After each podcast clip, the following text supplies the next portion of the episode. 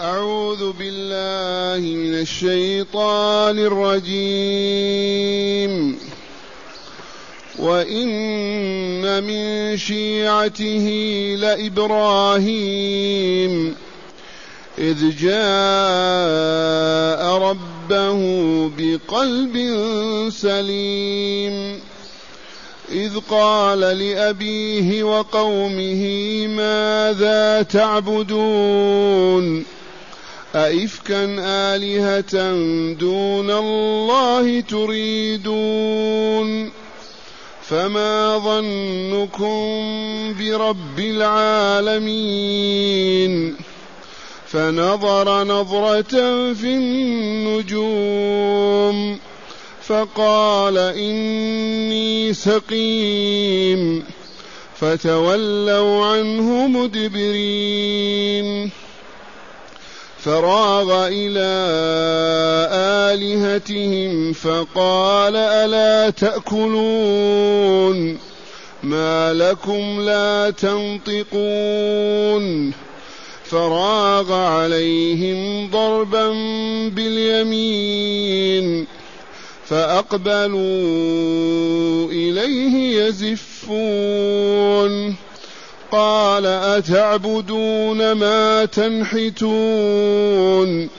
والله خلقكم وما تعملون قالوا ابنوا له بنيانا قالوا ابنوا له بنيانا فألقوه في الجحيم فأرادوا به كيدا فجعلناهم الأسفلين.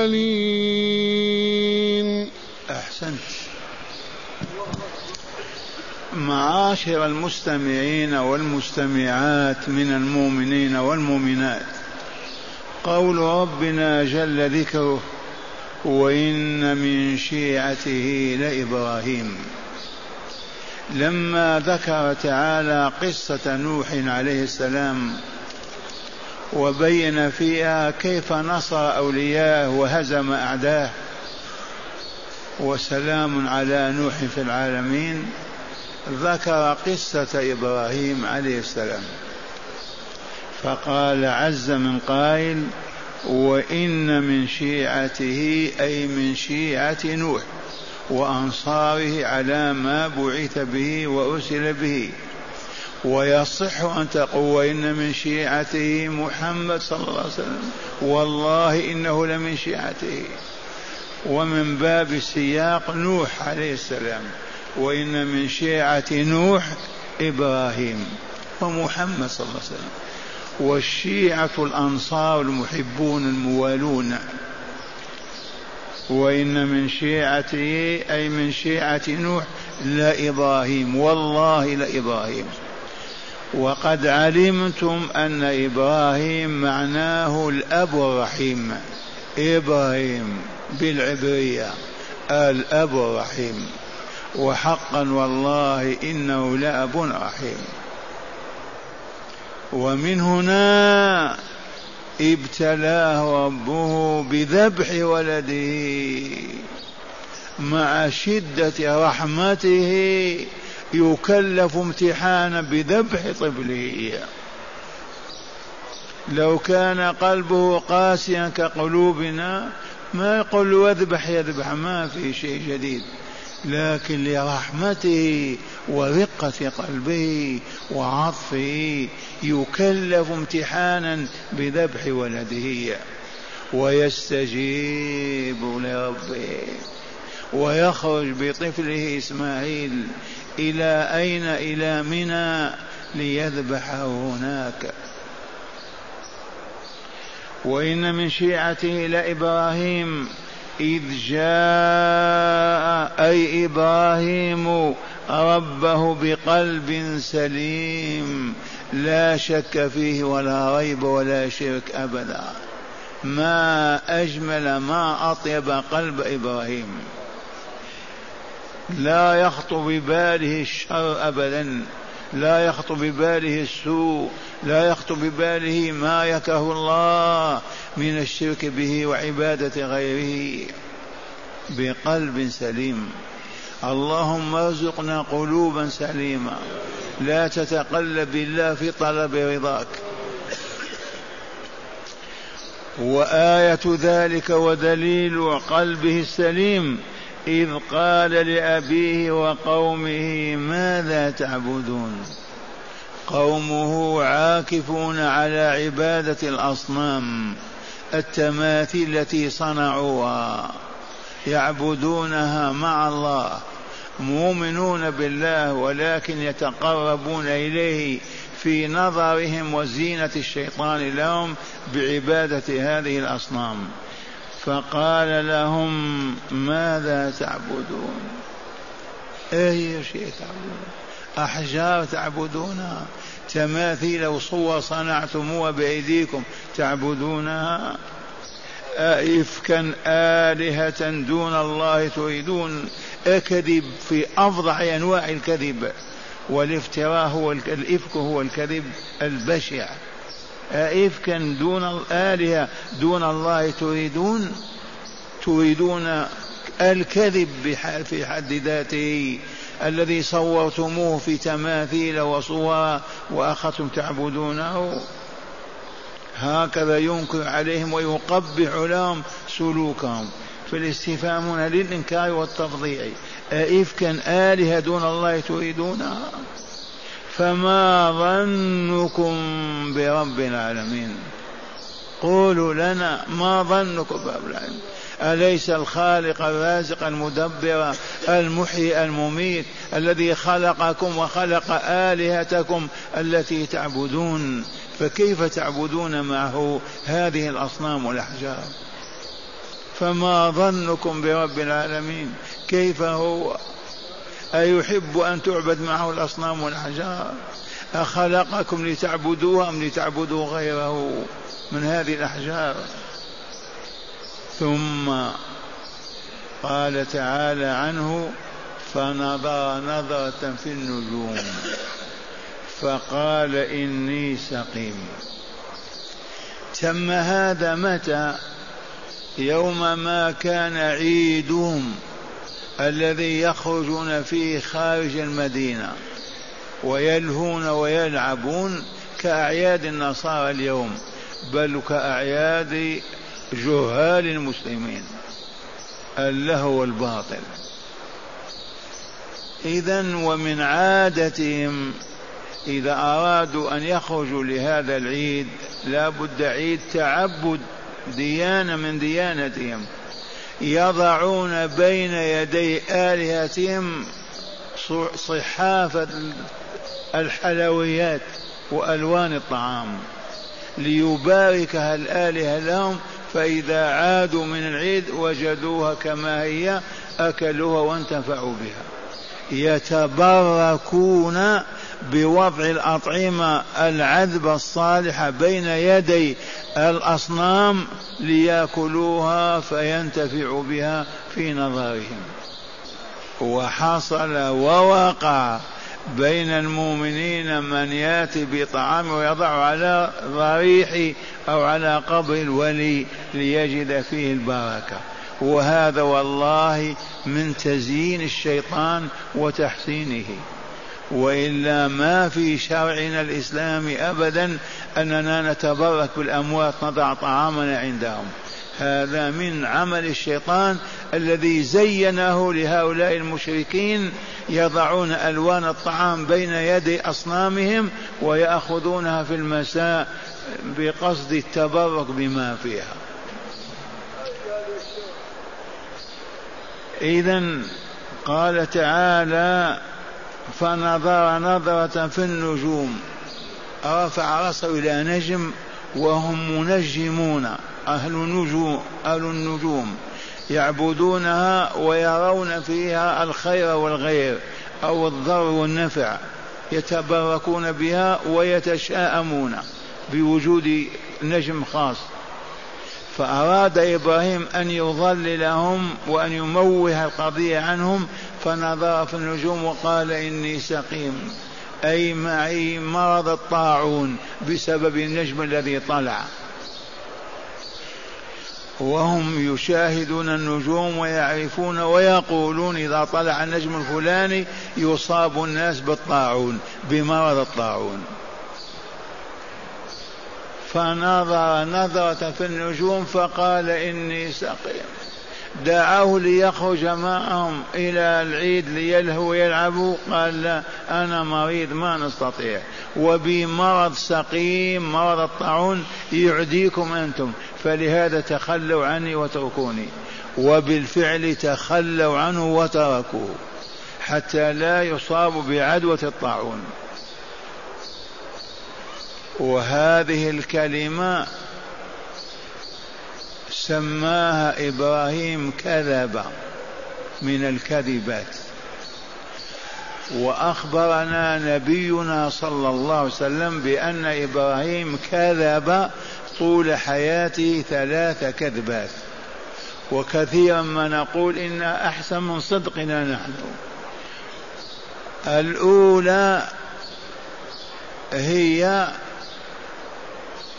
لما عرضوا عليه الخروج إلى العيد فكذب هذه وقال إني سقيم فتركوني فتركوني فتركوه.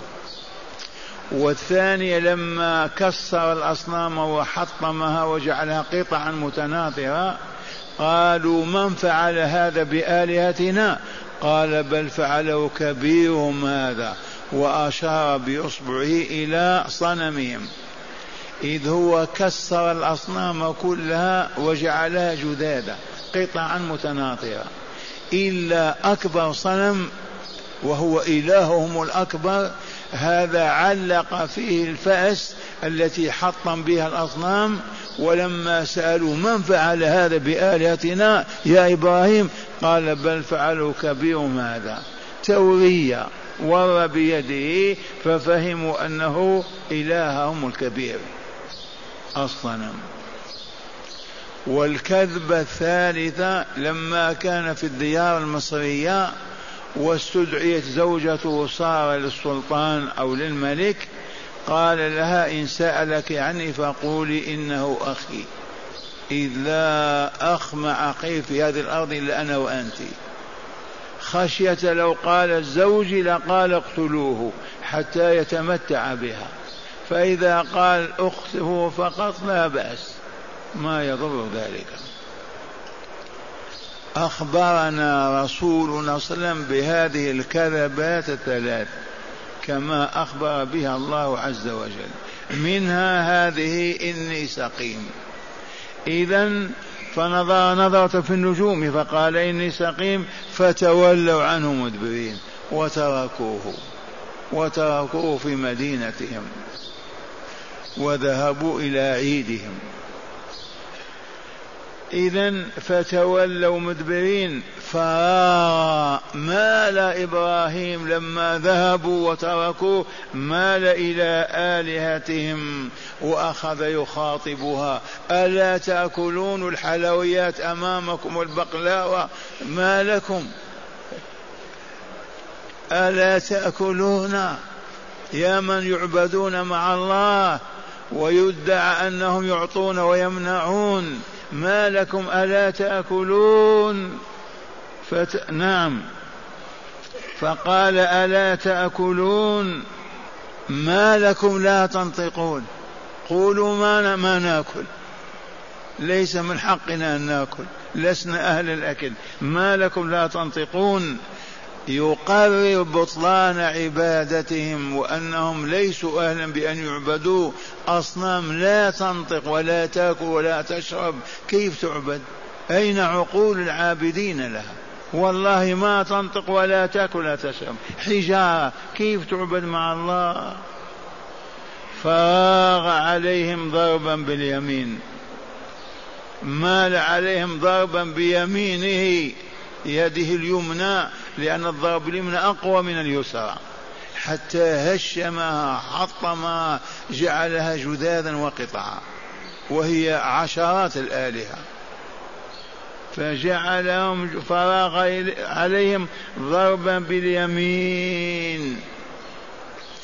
عادوا من عيدهم خارج البلد فرحين مسرورين ليأخذوا الحلويات البقلاوة من أيدي آلهتهم. فوجدوا الأصنام متناطرة متقطعة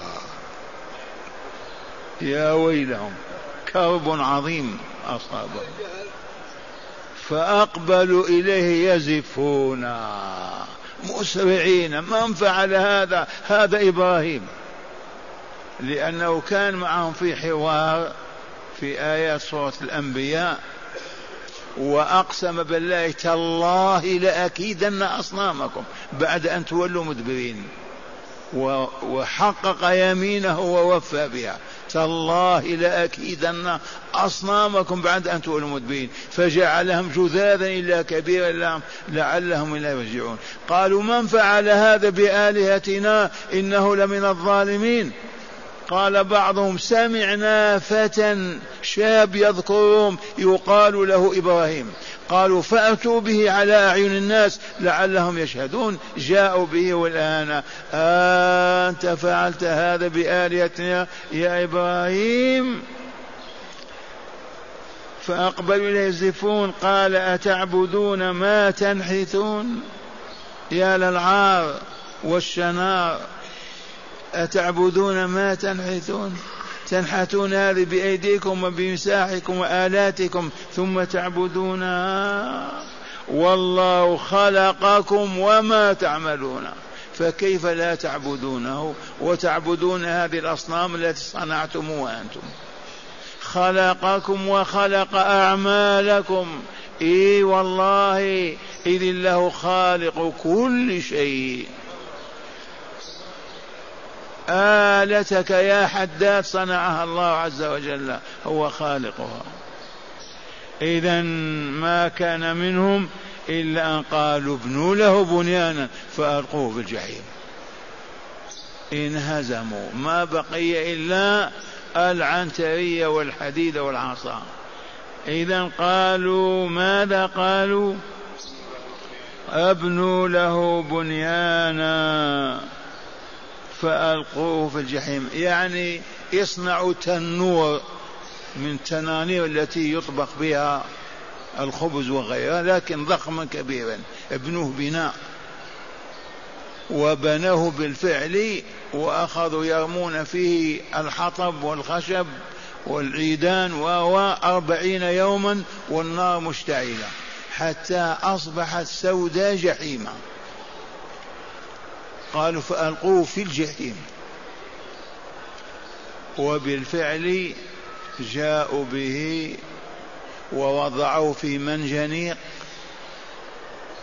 كالعقال الذي يلعب به الأولاد في الحجر. ووضعوه في ذلك المنجنيق ودفعوه إلى النار. ولكن الله عز وجل صدر امره إلى النار. يا نار كوني بردا وسلاما على إبراهيم. واللطيف أن إبراهيم عرض له جبريل وهو في طريقه إلى النار إلى التنور قبل أن يصل. ألك حاجة يا إبراهيم؟ قال أما إليك فلا.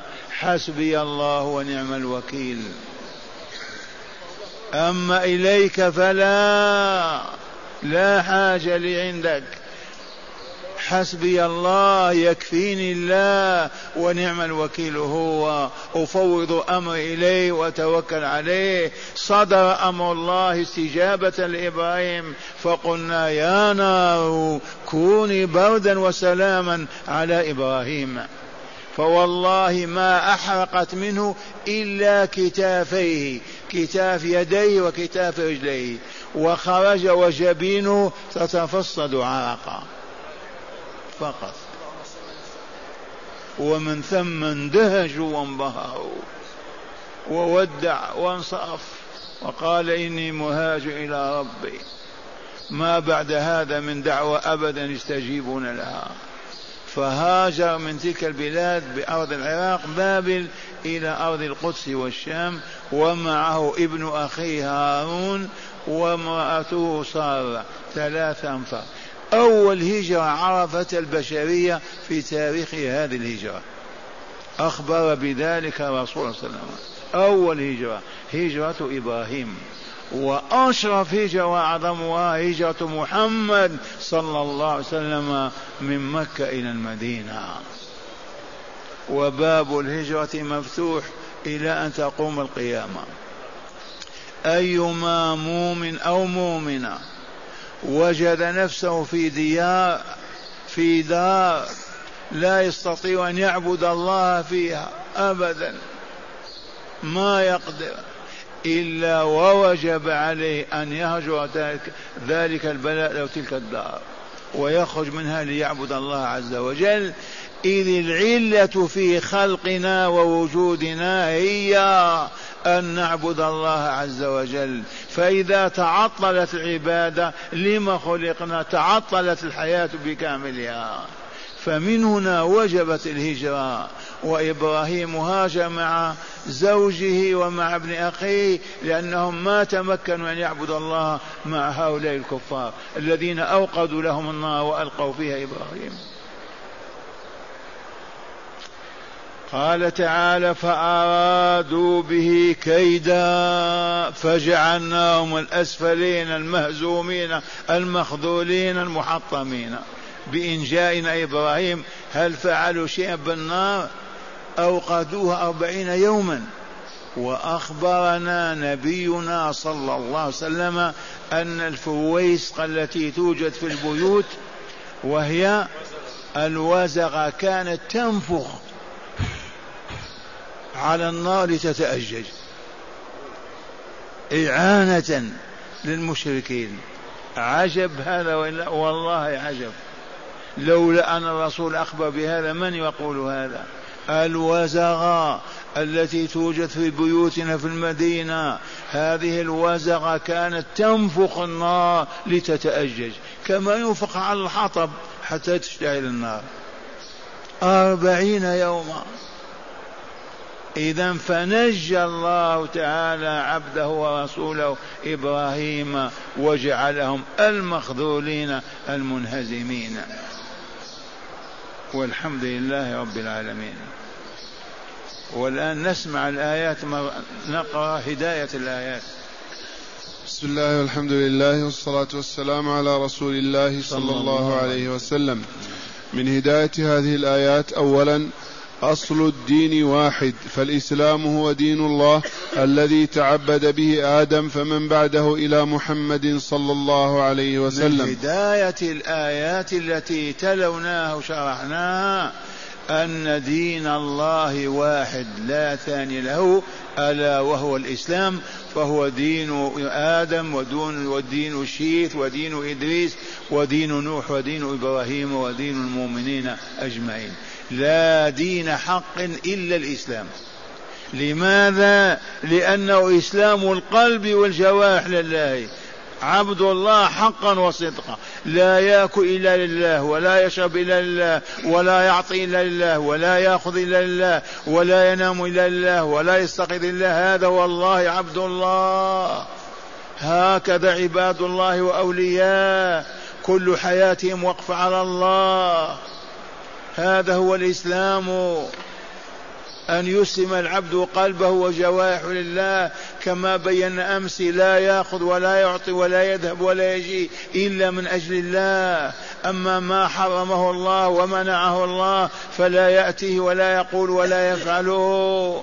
أما ما أوجبه الله فلا بد أن ينهض به ويتكلف له في حدود طاقته. نعم.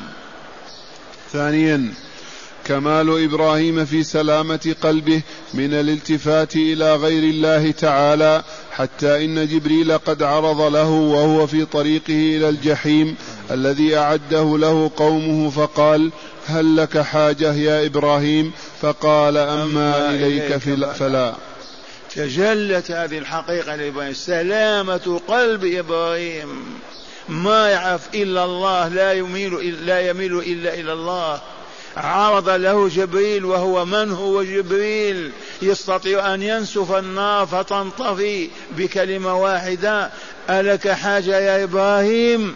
قال أما إليك فلا حاجتي إلى ربي. هذا الذي أسلم قلبه لله عز وجل ووجهه. ثالثا من أقبح الكذب ادعاء أن غير الله يعبد مع الله تبركا به أو طلبا لشفاعته. أئفكا دون الله تريدون من أفظع الكذب وأبشعه عبادة غير الله عز وجل. كيف مصنوعا؟ من مصنوعات؟ مخلوق من المخلوقات. نركع له ونسجد ونعبده. أي كذب أعظم من هذا الكذب وأي افتراء؟ تعجب إبراهيم أئفكا دون الله تريدون؟ فما ظنكم برب العالمين حتى تعبدوا هذه الأصنام والأحجار. وإخواننا كما قال عبد العزيز الجهل يا سيدي عبد القادر يا مولاي إدريس يا سيدي أحمد يا بدوي وجماعة الوافد يا فاطمة يا حسين يا علي يا يا يا يا. أهؤلاء آلهة تعبدونهم مع الله؟ أخلقوا بعوضة من المخلوقات.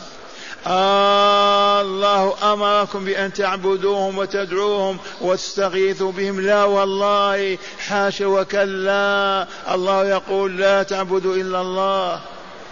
ولكن الجهل يا أبا عبد العزيز الجهل لو علموا ما ما عبدوا نعم. رابعا وجوب تغيير المنكر عند القدرة عليه. رابعا من هداية الآيات وجوب تغيير المنكر عند القدرة عليه. من أين أخذنا هذا؟ إبراهيم لما فرغ له المكان وذهبوا خارج البلاد ماذا فعل؟ كسر الأصنام وإلا حطمها لأنه قادر على ذلك. وهكذا يجب تغيير المنكر عند القدرة عليه. فمن لم يقدر يقول هذا منكر بلسانه ما يستطيع يقول بلسانه بقلبه. والرسول الكريم يقول من رأى منكم منكرا فليغيره بيده فإن لم يستطع فبلسانه فإن لم يستطع فبقلبه وذلك أضعف الإيمان. دخلت بيتك وجدت صورة عند طفلك أو عند امرأتك انزحها بيدك ما تتركها مزقها لأنك قادر على ذلك. نعم. وأخيرا بيان ابتلاء إبراهيم وأنه ألقي في النار فصبر ولذا أكرمه ربه بما سيأتي في السياق بيانه. أي والله. إبراهيم ابتلي ما ابتلي نبي ولا رسول بما ابتلي به إبراهيم. واذكروا ما ابتلي به. أولا أن يذبح إسماعيل أن يلقى في النار أن يهجر دياره وبلاده أن يبني بيتا وحده وهي الكعبة. أي ابتلاء أعظم من هذا الابتلاء؟ وصبر وظفر وعليه ألف سلام اللهم اجعلنا من محبيه يا رب العالمين.